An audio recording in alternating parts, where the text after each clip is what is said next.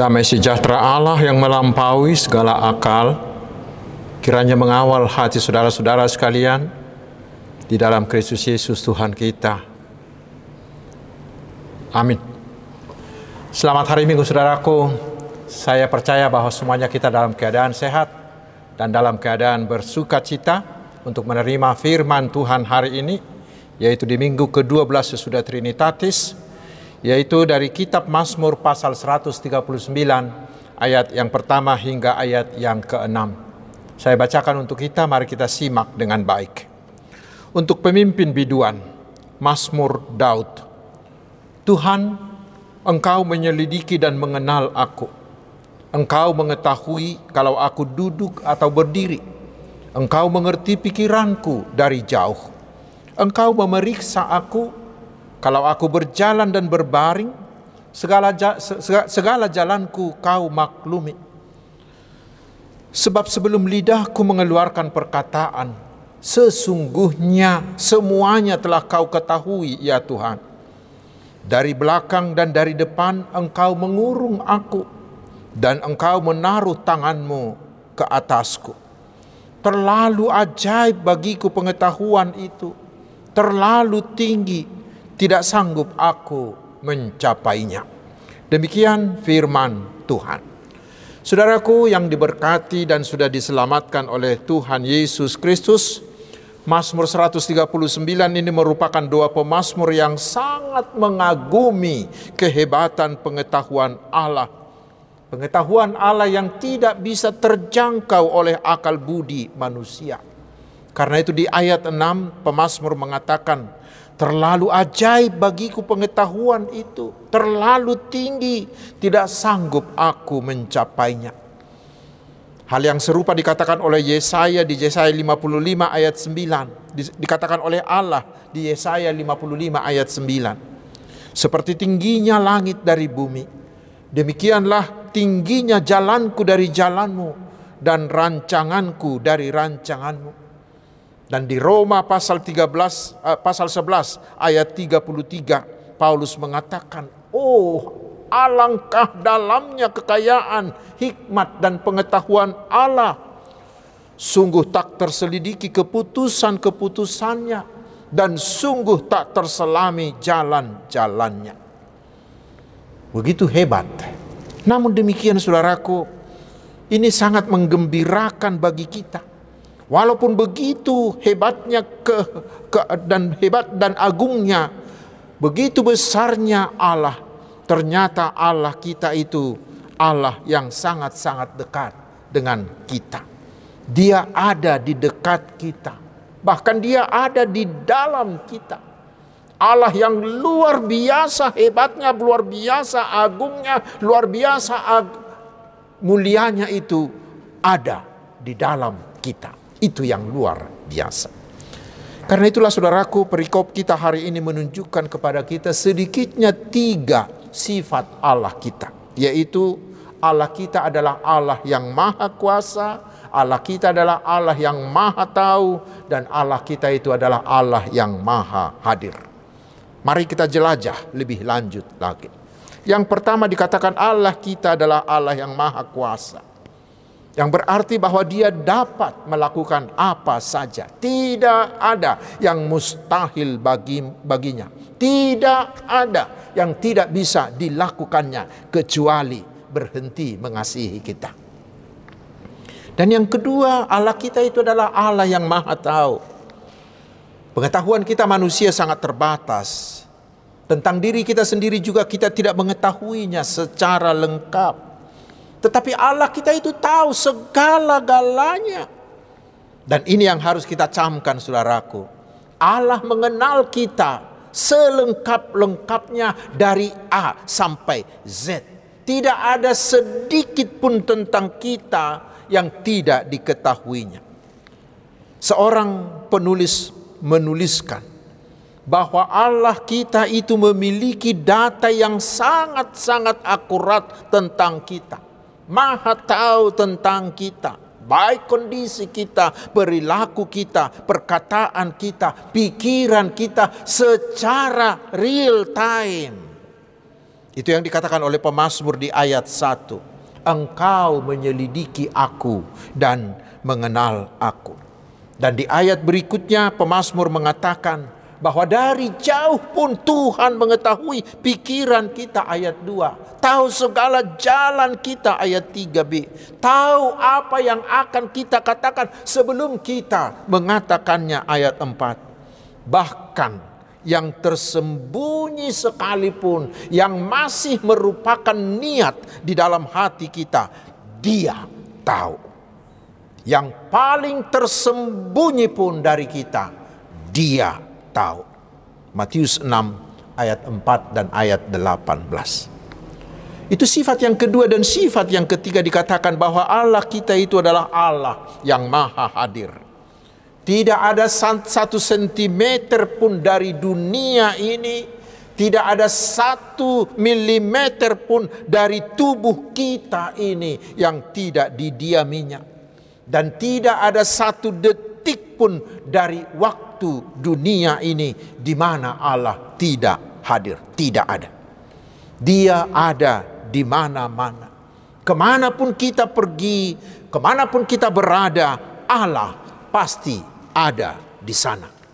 Ke langit sekalipun, ke langit sekalipun dia ada di sana. Bahkan walau kita bersembunyi ke dunia orang mati pun Allah ada di sana. Dan itu real time, setiap saat. Karena Allah hadir, bisa hadir di semua tempat pada saat yang sama. Mengapa bisa? Karena Allah itu adalah adalah roh roh yang bisa hadir di mana saja pun pada waktu yang sama. Saudaraku yang dikasihi Tuhan Yesus Kristus, bila kita sudah memahami ketiga sifat Allah tadi, lalu apa maknanya bagi kita sekarang ini? Mari kita coba telaah lagi. Yang pertama, ketiga sifat Allah itu membuat kita harus bersuka cita. Harus bersuka cita. Mengapa? Karena ternyata Allah sangat mengenal kita secara akurat. Bukan hanya mengenal se sekedarnya, seadanya. Mulu bahasa Batak ngadidok najulu tadda tadda Soekarno. Hanya sekedar mengenal, bukan. Tetapi Allah kita itu mengenal kita secara sempurna, tidak kurang sedikit pun. Mengapa? Karena Allah itulah yang mencipta kita semua. Karena itulah dia tahu saya dari A sampai Z. Dari luar dan dalam, atas ke bawah, dari kiri ke kanan, dia kenal saya seluruhnya. Itu membuat saya tidak perlu takut, tidak perlu khawatir akan apa pun. Karena Tuhan mengenal saya secara tepat dan secara sempurna. Karena ada ungkapan yang mengatakan, karena kenal maka sayang. Bila Tuhan mengenal saya, pasti Dia juga menyayangi saya. Dia tahu pasti apa yang saya butuhkan. Dia tahu pasti apa persoalan saya, apa pergumulan saya, apa kelebihan saya, apa kekurangan saya. Karena itulah saya akan tetap mengucap syukur saya akan tetap merasa cukup atas segala sesuatu yang diberikannya kepada saya. Apakah itu sedikit atau banyak? Karena pasti apa yang dia berikan itu, itulah yang terbaik bagi saya menurut Allah yang maha tahu itu. Apakah saya miskin atau kaya? Apakah saya punya keturunan atau tidak? Apakah punya jabatan atau tidak? itu pasti yang terbaik. Karena itulah saya tidak akan pernah bersungut-sungut. Karena saya tahu pasti Allah menyayangi saya dan memberikan saya yang terbaik. Bahkan bila Tuhan memperbolehkan saya mengalami pencobaan, baik itu sakit dan penyakit, baik itu kecelakaan atau kerugian ataupun kegagalan, saya tidak takut karena firman-Nya di 1 Korintus 10 ayat 13 mengatakan Tuhan telah mengukur kemampuan saya karena dia mengenal saya. Dia tidak akan mencobai saya melebihi kekuatan saya. Sehingga saya tidak perlu takut, saya tidak perlu cemas. Dan karena itulah saya tidak mau dikalahkan oleh pencobaan. Demikian juga tentang iman saya. Tuhan tahu dengan jelas bagaimana saya beriman kepada Tuhan Yesus Kristus. Sehingga kelak di hari penghakiman itu saya akan dimasukkannya ke dalam surganya karena dia tahu iman saya. Itu yang itu makna yang pertama saudaraku.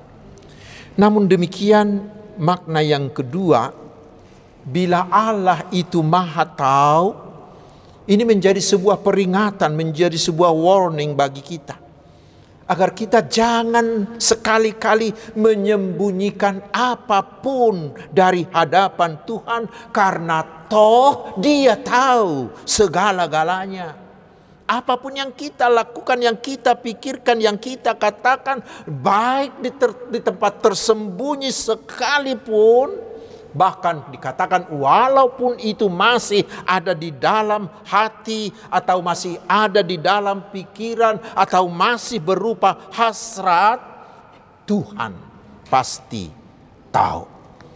Dan bagaimanapun pintarnya saya menyembunyikan sesuatu itu dari hadapannya, dia tahu dan dia melihatnya. Kita masih ingat Raja Daud, bukan? Begitu pintarnya dia, begitu liciknya dia menyembunyikan kejahatannya yang membunuh Uria agar menikahi si Batseba itu. Tetapi Tuhan tahu.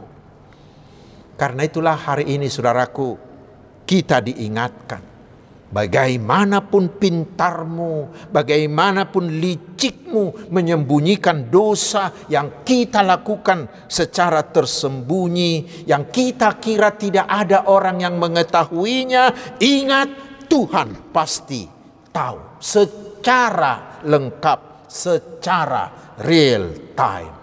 Bagaimanapun kita membuat skenario tentang itu seperti yang sedang diperbincangkan sekarang ini, Tuhan pasti tahu. Mungkin untuk ini saudaraku kita perlu menyadari apa akibat melakukan dosa. Terutama dosa yang kita lakukan secara tersembunyi. Kita baca di bilangan 32 ayat 23 dikatakan di sana bahwa dosamu itu akan menimpa kamu. Dalam terjemahan lain dikatakan yakinlah dosamu akan terus mengejarmu dan akan menemukanmu. Ingat saudaraku, bukan hanya Tuhan yang tahu. Bukan hanya Tuhan yang tahu dengan pasti segala dosa-dosa kita. Tetapi dosa itu sendiri akan terus mengejar, akan terus menekan kita. Kita baca ini di Mazmur 32 ayat 3 sampai 4. Dosa kita pasti akan kita pertanggungjawabkan kepada Tuhan. Karena itulah pemazmur di ayat 7 mengatakan, Ke mana aku pergi, ke mana aku dapat pergi menjauhi rohmu, ke mana aku dapat lari dari hadapanmu? Tetapi mungkin saudaraku kita akan mengatakan, ah begitu banyak orang yang melakukan dosa dan tidak kedapatan. Mereka masih bebas berkeliaran. Benarkah demikian saudaraku? Memang tentang hukuman dosa ada beberapa kemungkinan. Kemungkinan yang pertama langsung ketahuan, langsung tertangkap, lalu dihukum. Sama seperti si Daud tadi, dia langsung ketahuan, ketangkap OTT oleh Tuhan dan dia dihukum. Atau mungkin seperti Yunus yang melarikan diri, lalu Tuhan menangkap dia atau seperti Ananias dan Safira yang berdosa lalu langsung dihukum mati. Atau seperti orang yang minum miras oplosan, yang minum narkotika. Mereka langsung terkena hukuman dari perbuatannya itu dan lain-lain dan lain-lain. Tetapi ada kemungkinan yang kedua. Mereka tidak ketahuan. Tetapi mereka selalu gelisah mereka selalu dikejar bayangan. Mengapa? Karena mereka dihukum oleh hati nuraninya. Tuhan mengejar dia dengan mengganggu ketenteraman hatinya. Itu kita baca di Mazmur 32 ayat 3 ayat 3 hingga ayat 4 tadi. Kelihatan di luar mereka ini tenang-tenang saja Bahkan orang-orang ini sering muncul di depan publik membagi-bagikan uang seperti seorang dermawan. Tetapi sebenarnya hati mereka penuh kegelisahan. Karena hati nurani mereka akan terus menghakimi, terus mengingatkan mereka, mengingatkan kejahatannya. Dan mereka sering dikejar oleh bayangan, takut, kedapatan. Itulah membuat banyak dari mereka menjadi depresi bahkan tidak sedikit yang bunuh diri. Itulah yang dialami oleh Yudas. Tidak ada yang menghakimi si Yudas, tidak ada yang mengatakan apa-apa, tidak ada yang menghakimi dia, tetapi hati nuraninya terus menuduh dia. Lalu dia depresi, lalu dia bunuh diri. Atau seperti Yakub Walau sudah 20 tahun berlalu ketika dia menipu abangnya si Esau itu dan Esau itu tidak bilang apa-apa tetapi hati nuraninya si Yakub itu terus menghakimi dia sehingga ketika dia mau kembali ke tanah Kanaan dia begitu takut terhadap Esau karena dosanya yang belum diselesaikannya. Demikian juga dengan Daud dia sempat menyembunyikan dosanya. Tetapi itu membuat hidupnya selalu gelisah dan merana. Karena hati nuraninya terus menerus menuduh kesalahannya. Seperti kita masuk, kita baca di Mazmur 32 tadi. Seorang teolog bernama Thomas Akempis pernah mengatakan begini. Hidup kita baru plong rasanya, baru lega, barulah damai apabila hati nurani kita bersih, apabila hati nurani kita putih murni. Hati nurani itulah sarana dari Roh Kudus untuk menegur dosa-dosa kita. Itu kemungkinan yang kedua, saudaraku. Tetapi masih ada kemungkinan yang ketiga, yaitu semua kejahatan kita itu tidak ketahuan sekarang, tetapi akan diungkapkan dan akan dihukum di hari pengadilan terakhir. Karena bagi Tuhan tidak ada yang tersembunyi. Semua dosa yang kita lakukan sejak kita hadir di dunia ini berapa puluh tahun pun itu, itu semua akan disingkapkan bila kita belum menyelesaikannya dengan Tuhan Yesus. Di sanalah kita akan malu di sanalah kita akan dihukum karena dosa-dosa yang kita sembunyikan, yang belum kita selesaikan dengan Tuhan Yesus, si penebus dosa itu. Karena itu saudaraku yang terbaik adalah meneladani Daud. Ketika dia menyadari bahwa Tuhan mengetahui seluruh dosanya yang disembunyikannya itu, maka dia langsung dengan penuh kerendahan hati mengakui mengakui seluruh dosa-dosanya lalu dia meminta keampunan.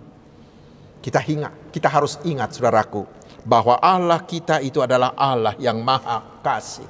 Allah yang maha pengampun yang pasti mau mengampuni semua dosa-dosa kita.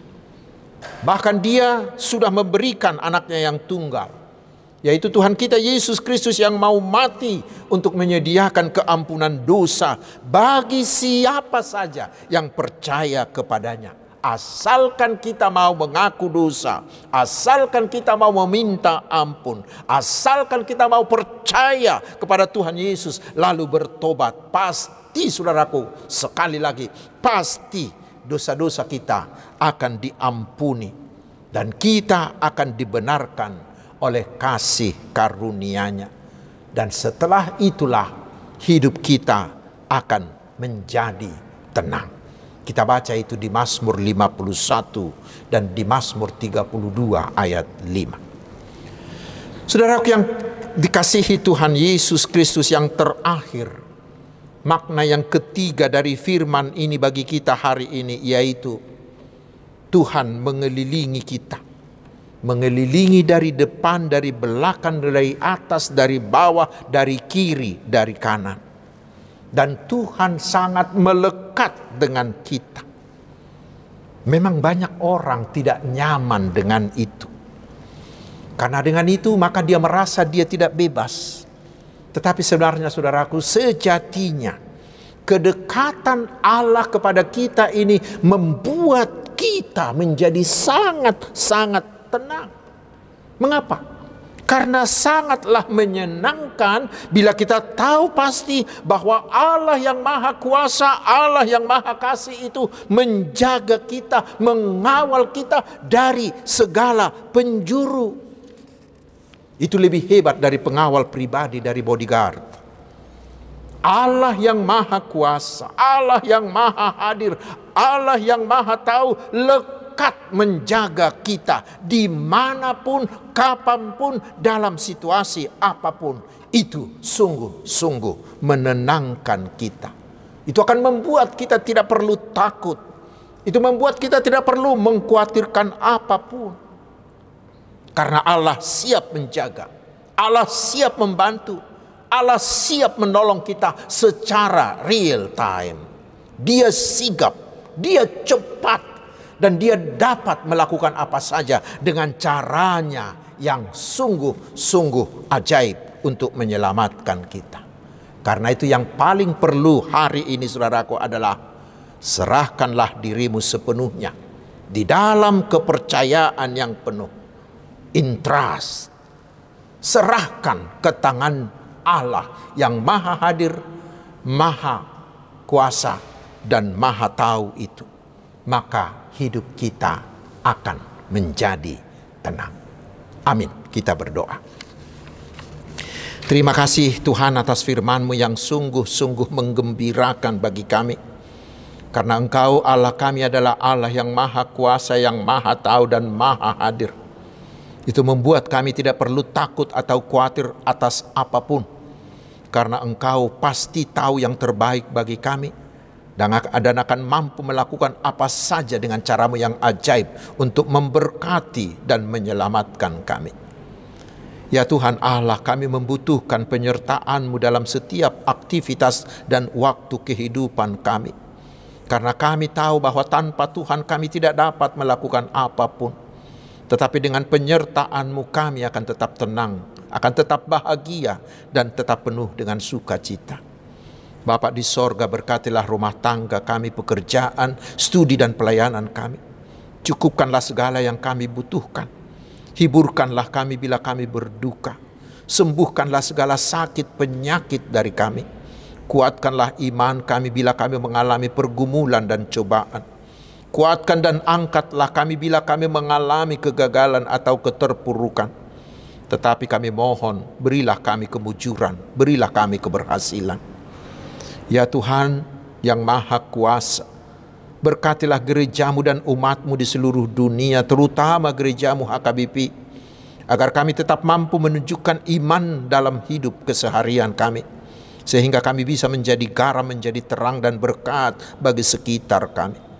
Kami mohon juga berkatilah seluruh usaha pekabaran Injil di mana pun, agar semakin banyak orang yang percaya kepada Tuhan Yesus dan diselamatkan.